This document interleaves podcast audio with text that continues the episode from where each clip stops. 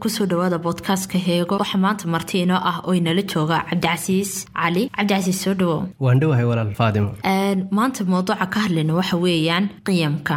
Haddaynu isweydiino badanka qiyamku waaxay mawduucan ciwaanka uu ku taagay waxaweya xalqadu waa maxay ilaha ka samaysmaan qiyamka bulshadu leedahay iyo sideynu ilaalinayna. Marka cabdicasiis marka ugu horse su'aashan weydiin waxay marka waxaan jeclaha inaad noo kala saartay qiyamku muxuu yahay akhlaaqduna muxuu yahay. Asalaamu calaykum waraxmatullah waa mahadsantahay walaal ustaada faadimo waana ku faraxsanahay run ahaantii barnaamijkeenan sharafta leh ee aan galabta halkan ku qabanayno.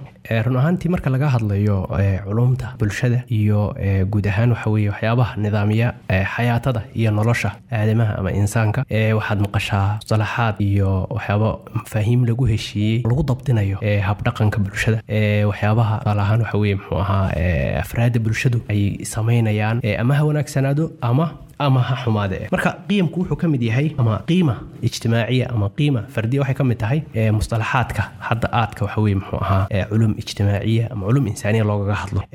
Qiyamku waxa weeye baa la yidhaahdaa waa waxyaabaha bulshu ay leedahay ee u ilaaliya dhaqankeeda diinteeda waxyaabaha iyadu gaar ay u leedahay. Tusaale ahaan qofka iyo qofka kale xidhiidhka ka dhexeeya labada shay haddii la yidhaahdo tusaale ahaan waxaasi wuu xun yahay ama xidhiidhkaasi wuu xun yahay iyo xidhiidhkaasi wuu wacan yahay. Waxa wanaag lagu garanayo waa micyaarka ama halbeegyada wanaagga lagu garanayo tusaale ahaan qofka inuu shay mucayana sameeyo waa waxa ku riixaya waa waxa dabarka u ah inuu ka joogsado waxyaabaha xunxun. Tusaalayaal baynu u samayn karnaa qiyamka waxaana yidhahdaan muxuu ahaa karamka ama gobanimada. Tusaale ahaan bulshadaasi waa gob bulsho gob ah. Qofkaasi waa qof gob ah. Qofku waxaad arkaysaa dadku qofku wuxuu ku dhiiranaya inuu wax bixiyo wuxuu ka odhanaya aniga qiyamkaygu waa inaan wax bixiyo tusaale ahaan geesinimada. Qofku wuxuu samaynaya waxyaabo ay adag tahay oo nolosha waxa la yidhaha ku adag ama khatar nafeed u keenaya ama khatar maal u keenaya. Waxaad odhanaysaa waxa weye muxuu muxuu samaynayaa sidaas? Odhanaya waxay ka mid tahay qiyamkayga tusaalahan waxaa ka mid ah oo kale xorriyada in loo dagaalamo xorriyada. Waxa weye markaa qiyamku waa waxa qofka ku riixa inuu wax wanaagsan sameeyo kana ilaaliya waxa xun inuu sameeyo. Qiyamkaas waxaan is leeyahay wuu soo dhoweyn karaa qiyamka. Sidoo kale waxaa la odhan karaa akhlaaqdu waa manduumat lqiyam waa qiyam isu tegey gaar ahaana qiyamka wanaagsan. Hadaad u fiirsatid badanka qiyamka ama akhlaaqda laba dhinacun baynu ka kasbanaa saddex dhinac oo ah inuu yahay diinta dhaqan waxaynu leenahay iyo meesha bulshada inugu wareegsan ama bii-ada waxa la yidhaahdo deegaanka ha marka bal waxaan jeclaan lahaa badan waynu isku khaldnaayo waynu isku walaaqnaa kaynu diinta ka qaadanay dhaqankeenu keenaa kii dhaqankana waxaynu geenaa xaggii inaynu ka kasbanay bulshada ama deegaankeenu ku noolnahay marka waxaan jeclaan lahaa inaad noo kala farqisid qiyamka inuu jirto qiyamyo ama akhlaaqiyaa jirta qofka isagu gooni kasban karaayo oo shakhsiyan ah oo infiraadi ah iyo waxaa jirta qiyamo uu qofku ka kasban karaayo meesha uu ku nool yahay. Marka bal walaa mid kastaba goonigiisa noogu qaad. Waxaan odhan karaa qiyamka waxay yidhaahdaan markay ka hadlayaan masaadirul qiyam ama ilaha qiyamku uu ka dhasho meelaha qiyamka bulshadu uu ka samaysmo tusaale ahaan diinta oo kale. Qiimo ka mid ah ama wax ka mid a madhaafaanba soomaalidu tidhaahdaayo. Waxaan is leeyahay ereyga soo dhoweyn karaa qiyam waa madhaafaanka bulshada. Ee madhaafaanka bulshadu meelaha ku samaysmi kara waxaa ka mid ah diinta oo kale. Tusaale ahaan waxaa la yidhaha muxuu ahaa shajaacada ama geesinimada gaar ahaanna marka lagu jiro dagaal xaq ah. Diinteennu waxa weye waxa leeyaha muxuu ahaa qofka dhabarka jeediye oo kale ciid adag ayaa ku soo aroray marka waxaa la rabaa qofkii inuu hal adeegnimo iyo geesinimo uu la yimaado. Sidoo kale waxbixinta in lagu dhiirado waxa weeye muxuu ahaa qofku uu allah subxana watacala uu leeyahay lan tanaalu lbira xataa tunfiquu mima tuxibuun marka qofka wax bixin kara waa maxay? Ee weliba bixin kara waxa uu hayay waxa ugu wanaagsan. Waa qof geesiya qiyamkaasoo kale waxay ka mid yihiin qiyamka laga kasbado diinta. Diintu marka waa idaar ama framework ama wax leeyaha muxuu ahaa xuduud ee samaysa qiyamka bulshada. Waa master ka mid a waxa weye muxuu masaadirta qiyamka. Sidoo kale thaqaafada iyo dhaqanka bulshadu ay leedahay. Tusaale ahaan thaqaafaadka ama dhaqanka bulshadu leedahay wuu kala duwan yahay. Tusaale ahaan bulsha waxay thaqaafo u leedahay ama ay dhaqan u leedahay dhar gaar ah. Tusaale ahaan waxay u leedahay muxuu ahaa thaqaafo iyo dhaqan waxay u leedahay hadal ama qaab salaameed gaar ah. Waxay thaqaafo iyo dhaqan u leedahay tusaale ahaan waxa la yidhaha muxuu ahaa in qofka aan khusuustiisa ama waxyaabahiisa gaarka ah lagu xadgudbin. Dhaqanka maxaa ka samaysmaya marka? Waxaa ka samaysmaya qiyam baa ka samaysmaya. Qiyamkaas waxaad ka dhex arkaysaa iyadoo lagu tadbiiqinaya noloshii bulshadaas. Sidaa awgeed waxa weeye waa master ka mid ah masaadirtii iyana qiyamka samaynaysa laga yaabaa in bulshada dhaqankeeda iyo diinteedu ay siyaabaha meelaha qaar ay dhex galaan oo kale. Tusaale ahaan bulshada soomaaliyeed oo kale berigi hore waxaa la odhan jiray waxaa la yidhaha muxuu ahaa xidhiidhinta qaraabada oo kale atakaaful ijtimaaci ama haddaba way ku badantay. Waa qiima waa qiima ijtimaaciya oo thaqaafadeennii ka dhalatay. Sidoo kalena ka dhalatay dee diinteenni iyo takaaful ijtimaacigu waa mabda diiniya oo diinteennu ay fartay oo qaraabada in la xidhiidhiyo. Dee waxay ka mid tahay waxyaabaha wanaagga weyn lagu kasbado oo la ammaanay. Marka waxaa kaloo qiyamku ku samaysmaan isdhexgalka bulshada. Tusaale ahaan bulshada meel ku dhaqan iyo bulsho kale inay isdhexgalaan. Tusaale ahaan soomaalida iyo waddamada ay ugu tagaan ama bulshooyinka ay ugu tagaan qurbaha. Waxay la soo noqdaan qiyam uga samaysmay dhexgalka ay la dhexgaleen bulshooyinka kale. Marka saasay isu samaysmayaan waxaa laga yaabaa inay isdhexgalaan qiyamkii diiniga ahaa kuwii thaqaafiga ahaa kuwii waxa weye ka dhashay muxuu ahaa tafaculka bayn almujtamacaat mujtamaca soomaaliga tusaale ahaan iyo mujtamaca suudaaniga innaga hadda suudaan bayn joognaa. Waxaa laga yaabaa inay waxa weye muxuu ahaa ay isdhexgalaan waa laga yaabaa oo mastarkooda rasmigii ihi xagga diinta noqdo. Sidoo kale waxaa laga noqdaa waxaa laga yaabaa inuu noqdo wax gaar ah oo aan tusaale ahaan qiyam diini aan aan xo- dharka oo kale qaabka loo labisto. Haddaad xidhato dhar gaar ah oo ay dad gaarihi leeyihiin aana ku sifaysnayn ama tilmaan gaara u ahayn ee labiska tusaale ahaan diinta oo kale waa qiyam aad soo waariday waxaa laga yaabaa qiyamkaasi inuusan waxba diinta ka hor imanayn. Sidoo kalena inaan diinta aadan de fadli gaara aadan ku helaynin. Marka sidaasoo kale waa isu dhexgelayaan waana kala soocsoocan yihiin gaar ahaana marka laga hadlayo in la dabdiyo ama la xadido masaadirta iyo ilaha ee qiyam sidaas ayaan isle waxaa jira dhinacaynu isku walaaqno ah qiyamka iyo waxyaabaha aynu ka kasbanay masaadirta kale. Iminkoo kale waxaa jira qofaa ku nool wadan kale. Waxaa jirta inuu dhaqan qurxoon ka helay uu soo kasbado soo qaatay. Bulsho kale ula yimi bulshaduu la yimi ay bulshadaas ka sii kasbatay. Haddana waxaa dhici karta inay bulsho kale sii kasbato. Qofkii isagoo qiyamo badan sita ayuu ku imanaya. Kadib markuu wadankii tago qofkii intiqaad baa u imanaya oo la intiqaadinaya ama intiqaadka carab weeyaan soomaali waxay noqonaysaa farta lagu fiiqay oo lagu dhaliilaya waa lagu dhaliilaya qiimada badan oo uu sitay iyo inuu dhaqankii ka tegay iyo inuu waxyaaba badan marka mashaakilka ugu waaweyn ee dadka dibadda ka soo gala wadanka soo gala ay la kulmaan bay ka mid tahay. Marka maxay kula tahay? Waynu ku xallin karaynaa mushkiladaas. Laano ani maanta haddaan arko qof dibadda ka soo galay oo qiimo badan sita. Waxaan u arkayaa horta waa bulshada halku ku soo noolaaday laakiin wax fiican buu wataa. Yani qiimo wato wax fiican laakiin ka soomaali ahaan maaha. Dee inaga iminkoo kale soomaalida sabir lagu mooga Aad iyo aad. laakiin maanta markaad wadanka tagto adoo sabir badan saasa doqon baa lagu odhanaya. Ha marka maxaa saameynta ugu weyn ay nagu leedahay aad bay weyn tahay? Maxay kula tahay waxaan is leeyahay xaqiiqatan qofku mar kasta horta waxa la idhahdo insaanka waxa la idhahdaa kaa'in ijtimaaci. Waa noole aan noolaan karaynin inuu noolo kale ama mujtamac kale ama bulsho kale la noolaado mooye ma noolaan karo ama ma joogi karo. Sida awgeed ama mar walba waxaad joogaysaa bulshadaada dhexdeeda intii aad ku dhalatay ama waad dhaafaysaayoo meel kale ayaad u dhaafaysaa bulshayo kale ayaad la dhaqmaysaa. Mar walba qiimayaasha faa'iidadoodu waxay tahayba in aad mar walba ay dhantatigaagii ama baadi soocdaadii ama wixii gaarka ku ahaa aad ilaashato. Tusaale ahaan diintaada dhaqankaaga akhlaaqdaadii aad gaarka u lahayd waxyaabihii tusaale ahaan waxa weye ahaa waalidkaa kugu barbaariyeen ee qiyam gaar ah ku ahaa. Qiyamku marka muxadidaad markii horeba waxaynu ku sheegnay inay yihiin muxadidaad ama thawaabid qofka uusan dhaafi karinoo hoggaan oo kale u ah. Sidaa awgeed waxa weeye muxuu ahaa khatartaasi way jirtaayoo ah isku milanka bulshooyinku in ay waxyaabo fara badan oo kala duwan ay kala kasban karaanoo tusaaleahaan qofkii oo ku nool ee tusaaleahaan kugula nool waxa weye ahaa magaaladaadii akhlaaq iyo qiyam bulsho kale leedahay oo aan xataa ku wanaagsanayn muxuu ahaa dhaqankaagii aan ku wanaagsanayn ama diintaadii ku wanaagsanayn inuu soo raro ama tusaale ahaan wasaa'ilul iclaamku wuxuu ka arkay iyo eh, isgaadhsiinta ayuu ka arkay. Waxyaabahaas dadkaasi ay samaynayaan markaasuu isku dayaya inuu sameeyo oo uu arkaya miisa ama privilege uu arkayaayo. Waxa weye muxuu odhan isna uu odhanaya uu samee. Si tusaalahaan ammaan oo kale uu gaadho. Tusaalahaan dadka eh, muhaadirta ah ama waxa weye caalamka ka muxuu caanka ka ah. Tusaalahaan dadka xidigyada tusaalahaan kubadda cagta oo kale dadka caanka ka ah. Wasaa'ilul iclaamka oo kale dadka caanka ka ah. Influencer- influencerska dadka loo yaqaano ee mu'athiriinta ku ah social mediaha dhaqaalayahanada adduunka oo kale iyo wixii la mid ah marka qofkii waxa weeye muxuu ahaa mar walba qiyamka faa'iidada horeynu u sheegnay waxa weeye in ay u ilaaliyaan waxa uu isagu gaarka u leeyahay faadimo waxaa isweydiin leh qiyamku ma isbedbedelaan qiyamku way isbedbedeli qiyamku way isbedbedeli karaan. Gaar ahaana waa qiyamka waxa la yidhaaho muxuu ahaa ku dhashay inta badan bulsho kale inaad la tacaamusho Tusa- tusaale ahaan. Hadan kaa dhex gale Ha, waxaa jirta iminka haddaa aragtay fatradan dambe iminkaan nool nahay. Dad badan baa jira iyagu qiyamkooda ama waxaada aaraa tafkiirkooda iyagu samaysta. Oo koodhanaya waa mabaadi aan leenahay. Marka marka qaarkood mabaadiday samaysteen waa ma- mabaadi fiican oo diiniyan ku tirsan oo dhaqan noqon kara wax kasta noqda. Laakiin dad baa jira marka qaar mabda ay ku socdaan uu khalad yahay.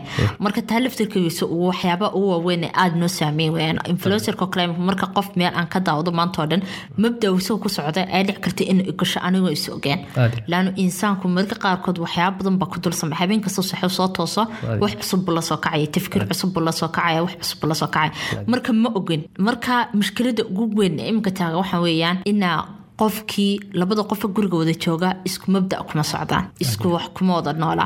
Qof kastoo mabda tahay? de waa caalamka saddexaad wada nool. furmay. Marka waxaan is odhan karaa xaqiiqatan waxa weeye muxuu ahaa hadda waqtigan aynu hadda xaadirka joogno in bulsho kastaa qiyamkeeda gaarka ah ama waxyaabahay gaarka u leedahay waxyaabaha u ilaalinaya waxa weeye muxuu ahaa waxay haysato oo ah bulshanimadeeda ee dadnimadeeda qarannimadeeda in ay iyadu isla afkarato Ah. waxyaabaha waynu u geli doonaa kole qayb barnaamijka qaybta ma filaya inuu wax la yidhaho muxuu waxyaabaha u ilaalin karana waxaa ka mid ah ilmuhu maalinka uu dhasho ama uu barbaarayo iyo noloshiisa. In waxaweye ay ku socoto dariiq la yaqaano oo cad oo bulshadu wax la yidhaha manhijiya waadixa oo nololad ay leedahay. Iminka haddaad aragtid ilmaha dibadda ku koray aan wadanka ku korin badanka waxaa arkaysa si fudud inuu dhaqanka uga tago uu qiyamku lahaa mabda uga tago. Taas maanta canaan uma noqonayso hooyada iyo aabbaha guriga jooga.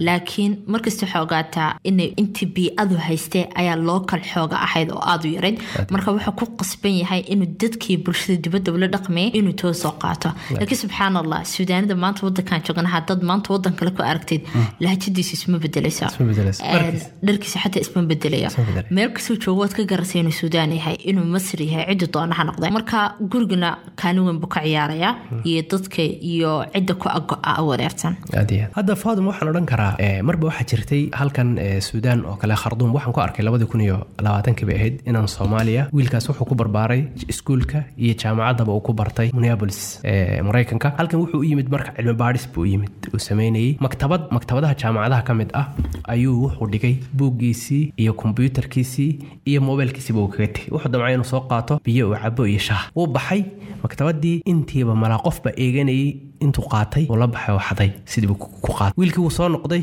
isagoo wax leha muxuu ahaa soo yar istareexay shan daqiiqo toban daqiiqo gudahood wuu waayay ma jiraan. Inankii marka wuu qaraacmay marka waxaad arkaysaa maxaa dhacay inanka hadda ma odhan karno waa nac waayo alaabtiisii buu dayacay. Laakiin haddii uu joogo waddamada xatooyada ku badan tahay oo uu ku dhashay oo ku barbaaray oo horey wax looga xaday in uu saas yeelo waa ku nacas. Sababtu maxay tahay? Waa horey baa loola qabsaday oo dadkani waxa la yidhaha muxuu ahaa xatooyada. Haddii aad alaabtaada meel kaga tagto waa la xadaya. Isaga marka laakiin muxuu ku barbaaray oo qiyamka u wataa ama thaqaafada dhaqanka u wataa maxay tahay? Bulsho haddii aad wax u dhigto aan xadaynin. Oo waxa weye muxuu ahaa qofku uu hantidiisa iyo naftiisaba uu ammaan kula helayo. Sidaasoo kale waxaa la odhan karaa tusaale soo dhaweynaya waxa weye muxuu ahaa kala duwanaanshaha bulshooyinka iyo dhaqamadooda. Haddaa u ama fiirsay akhlaaqdooda. beriga yarayd ma garanay in laguga odhan jiray reerka qof aana garanay ha raacin. Ma ku qalanaya maanta qof kale wadan kale ku korayna hadduu qof qalaalad arko waxaa dhici karta inuu toban saacadood la fadhiya. Taasina waa dhaqan. Dee marka ugu horeysa lagugu korinay lagu odhanaya haddaad wadankii tahay ha raacin qof aanad garanin waxaa dhici karta inuu ku qasho inuu waxaan kugu sameeyo inuu maanta marka waxyaabaha bulshada laga kasbado ama aad bay u badan tahay. Ayb waxaan doonaya ku weydiiye su'aasha waxa weeyaan ma jiraan waxyaabo ama siyaabo bulshada qiyamkeeda ku ilaashan karayso si wanaagsan oo raalli laga wada yahay labada dhinacba aad iyo aad tusaale ahaan waxaan odhan karnaa eh, maadaama aan nidho qiyamku waa muhiim oo bulsho aan qiyam lahayni jiritaan ma leh. Maadaama aynu waxaan odhan karnaa eh, taxadiyaad mar walba iyo eh, caqabado buu way wajahaysaa bulsho kastaaba gaar ahaana waqtigan adduunku isu furmay oo cawlamadan waxa la yidhahdaa ay adduunka ka dhacday. Marka waxaan odhan karnaa waxaa jira dhowr qodob oo u ilaalin kara bulsho kasta dhaqankeeda diinteeda iyo guud ahaan qiyamkii ay sameeyaan dhaqanka iyo diinta iyo isku milanka bulshadu. Marka maxaan odhan karnaa waxa ahaa waxyaabaha u ilaalin kara ama u kobcin kara xataayo mar walba waxa la yidhaho muxuu ahaa eh, xayiwiye ugu samayn karan waxaan odhan karnaa waxa weeye awalan atanshaar ijtimaaciya guriga iyo barbaarinta ilmuhu uu guriga kala yimaado waa qodob aad iyo aad asaasi u ah muhimna ah waxaana la odhan karaa qof kasta oo siyaasiya ama qof kasta oo dhaqaalayahan ama qof kasta oo sheekh caalim ah qof kasta oo guul adduunka ka gaadhay marka loo tarjumaynayo ama marka la sheegayo muxuu ahaa waxa weeye biografigiisi waxaa la soo sheegaa asaaskiisii wuxuu guriga kala kaga kaga muxuu hooyadii oo kale ayaa laga hadlaa tusaale ahaan shan jirkiisii toban jirkiisii shan iyo toban jirkiisii wuxuu ahaa baad dareemaysaa inay saamayn ku yeelatay noloshiisii dambe ee mustaqbalka. Marka waxaad dareemaysaa tansha alijtimaaciya ama guriga iyo barbaarinta guriga hooyada iyo waalidka oo dhan iyo walaalayaasha iyo waxa weeye muxuu ahaa tanshiadaasi inay qofka saamayn badan ay ku yeelato qiyamkana ay ku abuuri karto. Sidoo kaad sheegaysa oo kale kalsoonida. Hooyadu haddii ay ilmaha cabsi geliso disho tidhaahda waxa weye ha wareegin dadka ehelkaaga ha soo booqan tusaale ahaan waxba ha bixin ee cay dadka kale muxuu ku barbaaraya oo yeelanaya suluug iyo habdhaqan aan toosnayn ayuu yeelanaya. Qiyamka bulsho ee wanaagsan ee la rabay inuu yeeshana waa mar walba waxa la yidhaha qof wuxuu noqonayaa axdiima alqiyam ah. Sidoo kale qodobka labaadaan odhan karaa wuu u ilaalin karaa bulshada qiyamka waxa weeye tacliin xayawi ah ama dynamic oo ah tacliin nool. Tacliinta noole waa maxay? Waa tacliinta la jaan qaadaysa qofka thawaabidiisii iyo asaaladiisii asalka wuxuu u lahaa ee la rabay inay ilaaliso. Tusaalaan mabaadi'diisii diiniga ahayd jiritaankiisii bulsho iyo wix la mid ah. Sidoo kale tacliin la jaan qaadaysa casriga hadda la joogo oo kulansatay alasaala walxadaatha waxa weye tacliin aan marnaba waxa weye muxuu ah ka gaabinaynin inay la tartamto bulshooyinka kale ee caalamka gaar ahaana ka faa'iidaysiga dabiicada ee bulshooyinka iyo horumaraday gaadheen iyo wixii la mid ah marka tacliintaas oo kale tacliinta nool waa insaxa tacbiir tacliinta noole waxay ka mid tahay waxyaabaha u ilaalin kara qofka qiyamka waxaa kaloo aan odhan karnaa qiyamka waxaa ilaalin kara in waxa weye muxuu ahaa tarbiyada masaajidada oo kale iyo culummada dowrka ay qaataan iyo nawaadida iyo waxa weye muxuu ahaa qofku marka uu guriga ka baxo ama uusan tacliinta joogin sida kheyr mubaashirka ah oo ula falgelayo masjidkii xataa tawaasul muxuu ahaa ijtimaaciga ama waxa la yidhaahdo wasaa'il iclaamkii waa ka mid oo hadda facebookan oo kale waa ka mid waxa aad loo isticmaalayo oo ilmihii yaraa iyo qofkii weynaa isku si u isticmaalayaan. Intaa waxa uu ka arkayo qofkii qiyamkiisii ama way ku hallaabayaan ama way u toosinayaan marka waxaan is leeyahay intaasoo kale waa la odhan karaa oo waxyaabaha ilaalin kara. Waxaan jeclaan lahaa inaa hal tusaale. Wax dhanka dadku inaan qiyamba fahansanayn qiyamku waa xayba akhlaaqdu waa xayba wax laga hadlaya waa xayba. mumkin aanu qof fahansanayba laakiin waxaan jeclaan lahaa inaad noo sheegtay hal tusaalo qiyam fiican ah oo bulshadeenu leedahay iyo hal qiyam ah oo dhici karta inay khaldan yahayba oo inuu ka bulsho ahaan haysana inuu inoo saxsan yahay. Waxaan odhan karaa qiyamku maadaama aynu nihi waa maxadidaadka qofka ama bulshada wax u ilaaliya wax wanaagsan. Waxaan tusaale uga soo qaadan karnaa iithaarka ama doorbidid qofku inuu naftiisa ka doorbido wixii wanaagsanaa oo la doorbido walaalkii oo kale. Wayuiruuna calaa anfusihim walow kaana bihim khasaasa in adoo gaajo qaba xanuun qaba baahi qaba wixii aad heshay in aad siiso qof walaalkaayo oo kaaga baahi badan. Waa qiima aad leedahay oo kaa dhigtay darajada intaa leg inaad gaadho. Waa qiimo aad ka kasbatay dabcan diinta. Haye waxaa laga yaabaa tusaale ahaan qiyamka waxaa noqon karo oo kale oo tusaale u noqon kara waxa la yidhaha tadxiyada nafhornimada tusaale ahaan bulshooyinkan haddeer tanaafuska ku jira jabaniiska oo kale waxaa la yidhaahdaa gabadhu ninkeeda in saacatul camal oo sideed iyo toban saaca inuu ka soo hordhaco oo uu guriga yimaado wakhtigii dee shaqada laga soo rawixi jiray wakhti ka horreeya. Gabadha waxay ku tahay ceebtii adduunka. Ninkaas tusaale ahaan inuu waxay yidhaahdaan ninka jabaniiska ah laga yaabaa in uu tago oo xawdka lagu dabaasho la tago faamilkiisa iyo dadka xawdka jooga oo dhan oo isqaawiyo ku dabaasho halkaas isagoo waxba qabin. Waxaa uga ceeb badan inuu ka soo rawaxo shaqada isaga oo waxa weeyaan shaqadii saacatul camal ama dawaamkii aan dhamaysan. Taasna maxaa la odhan karaa marka? Waa qiima ijtimaaciya thaqaafiya oo ay bulshadaasi ay dhigatay. Tusaale ahaan waxaa ka mid oo wax la yidhaha muxuu ahaa nabadgelyada oo kale in bulshada dee nabadgelyo guud oo caama wacyi waxa la muxuu ahaa caam ah oo nabadgelyo in bulshada lagu dhex faafiyo. Waa qiima ijtimaaciya oo la isdheeryahay tusaale ahaan bulshadan aynu hadda la noolahay ama suudaanta oo kale marnaba si kastoo amnigu faraha uga baxo haddana waxaad arkaysaa in ay jirta salaam daakhili oo ah dadku qofna inuusan qofka kale ama qof kale waxba u haysan oo dadku ay kala badbaado qabaan halka laga yaabo in haddii fitno yari ka dhacdo bulsho soomaaliyeed ama meel kale oo qabyaaladu ama cunsuriyadu ay aada uga jirto in laga yaabo wax dee meel dab lagu qabtay waxa weye muxuu caws dab lagu qabtay oo kale inay noqoto. Marka waxaan is odhan karaa qiima tusaalayaashaas way yeelan kartaa. Haddaynu sii badino oo kale xorriyaddu waa ka mid iscaawintu waa ka mid waxa weye muxuu ahaa xayaaga iyo wax la xishood waa ka mid. mid baaba ku dari lahaa. Ixtiraamka. Ixtiraamku waa wax muxuu ahaa waa meelaha ugu sarreysa ka mid yahay ha haddaa u fiirsatid inagu ixtiraamka ma jiro dadka waaweyn aan u qabno. Xataa ka yaryar loo qabo ma jirto dadka yar. Xataa qofku markuu aada weynaado wuu duqoobo isku dhexya caloolna isagoo qofkii maqlaya. Marka ixtiraam ma jiro ixtiraam labadii qof dhex maraya ma jirto oo loo siinay respecti ah cumriga uu qofku jiro iyo cilmigiisa lagu siinaya marka taasina mushkilad weyn oo taagan weeyaan. Aad. runtoo kale waa ka mid runtuna waa ka mid. Waxa weeye muxuu ahaa eh, in wax la idhaahdo qofku uu ka shaqeeyo oo kale eh, arrimaha bulshada oo kale oo dee ah waxa weeye islaaxi oo kale. Ah, iyo shaqo la'aan ba ku haysa lagu waxyaaba ugu waaweyn mashaakisha ugu waaweyn khaladka loo fahmo ka mid tahay. Aad iyo aad. Eh, waxaan doonaya inaan baraarujiyo qiyamku inta badan waxaa loo isticmaalaa iijaabi ahaan ba inta badan loo isticmaalaa. Ah.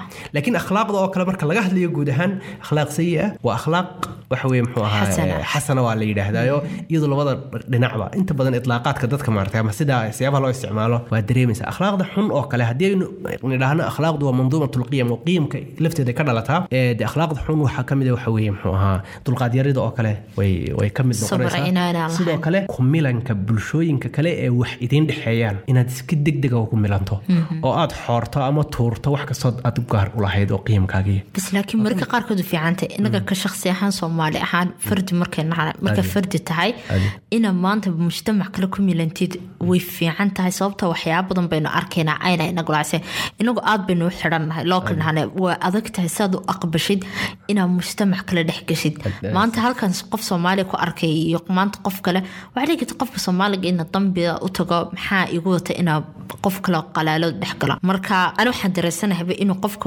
bulshada soomaaliga inuu qolo kale dhex galo oo mid fiican la'aan waxyaaba badan baad arkaysaa aan ku muuqan marka bulshada dhex joogta sina ku xun tahay oo waxaa dhici karta marka dhex gashid inaad de intii yarada aad wadanka kala timi ama dhaqan ahaanba u lahayd inaad sii daysid oo khalaas aad halkaa kaga tagto aad isbedeshid ba dhaqan kala qaadatid. Aad iyo aad. Tusaale ahaan eh, ustaada faadimo waxaan odhan karaa itlaaqeeda ma aha ama sideeda looma wada odhan karo waxa weeye bulsho kasta oo adduunka joogta. Xataa kuwa maadiyan u horumaray in qofku uu boqolkiiba boqol sida kabtaada cagtaada u leeg tahay ha inaad ugu isku dayda waxa weye muxuu ahaa? Inaad isku dhiriiriso ama aad ula mid noqoto? Taasina waxay ka dhacday tusaale wadamo badanoo caalamul carabi walislaami oo tusaale ahaan eh, raggii eh, waxa weye u doodayey waxa weye in la yimaado xadaatha iyo nolosha cusub lala jaan qaado waxay yidhaahdeen horumari mayno oo nolosheenan iska bedeli mayno ilaa aynu sida ay u dhaqmaan dadka cadaan boqolkiiba boqol aynu u dhaqanno u fikirno u wada muxuu ahaa isula xidhiidhno aynu sida kabta iyo cagtu ay isu leegyihiin aan ugu dhararsano laakiin taas calaa idlaaqiha ma aha oo qofku wuxuu leeyahay ama bulshadu waxay leedahay waxyaabo gaar ah. Oo dee ay ka mid tahay waxa leedahay muxuu mabaadiidii diiniga ahayd iyo dhaqanka gaarka. Laakiin dadka waxaad uga faa'iidaysan kartaa bulsho kasta oo aad dhex gasho waxaad uga faa'iidaysan kartaa qeybteeda iijaabiga ah ama qeybteeda wanaagsan ee togan. Waxaa cabdicaasi waxaynu soo gaarnay gunaanidka xalqadda. Waxaan jeclaan lahaa inaa hal dardaaran aad xalqadda noogu soo xidhid. Een, waqtigoo iska soo dhawaaday aad baa umahadsan tahay ustaad faadimo waxaan eh, dardaarmi lahaa mar walba in qofku uu qofnimadiisa iyo mujtamac uu ka soo jeedo wixii wanaagsan ee uu ku matalo uu ilaashado. Meel kasta oo adduunka ka tago iyo cid kasta oo uu adduunka kala dhaqmo. Sidoo kale in uu qofku isku dayo bulshadiisa inuu ku saameeyo wixii wanaagsan. Rasuulka sal allahu caleyh wasalam waa khayru mithaal ama waa tusaalaha ugu wanaagsan ee aynu odhan karno maanta qof mabda' leh aynu u soo qaadan karno. Ee waxa uu yidhi rasuulku sal allahu caleyh wasalam bucistu inamaa bucistu liutamima makaarim alakhlaaq. Akhlaaq. waxaa laga soo diray uun in aan dhammaystiro akhlaaqda teeda wanaagsan in aan dhammaystiro. Oo waa maxay? Waxaweye bulshada haddii habdhaqankooda akhlaaqdooda qiyamka wanaagsan iyo waxaweye muxuu ahaa jiritaankooda loo ilaaliyo. Bulshadaasi waxay noqonaysaa bulsho iskuna tashata bulshooyinka kalena uga faa'iidaysata qaabka togan ee la raba inay uga faa'iidaysata marka waxaan is leeyahay qiimku waa waxyaalaha ugu waxyaabo lagama maarmaan oo bulshada lagama maarmaan u ah mar walbana waxay u baahan tahay faahfaahin dheeraad ah oo lagu muxuu ahaa eh, lagu sameeyo. Eh, aad baad u mahadsan tahay barnaamijkan sharaf bay ii ahayd run ahaantii inaan eh, aan bodcastiga wada qaadano ustaada faadima waad mahadsan tahay salaamu calaykum. Adiga mudan. Een, mar kasta aayad qur'aan isticmaal in allaha laa yuqayiru maa biqowmin Xataa yuqayiru maa bianfusihim. gunaanidka xalqadeenu soo gaadhnay idinkuna aad bad mahadsantiin sida wacanad noo dhegaysanayseen insha allah ismaqal dambe oo wanaagsan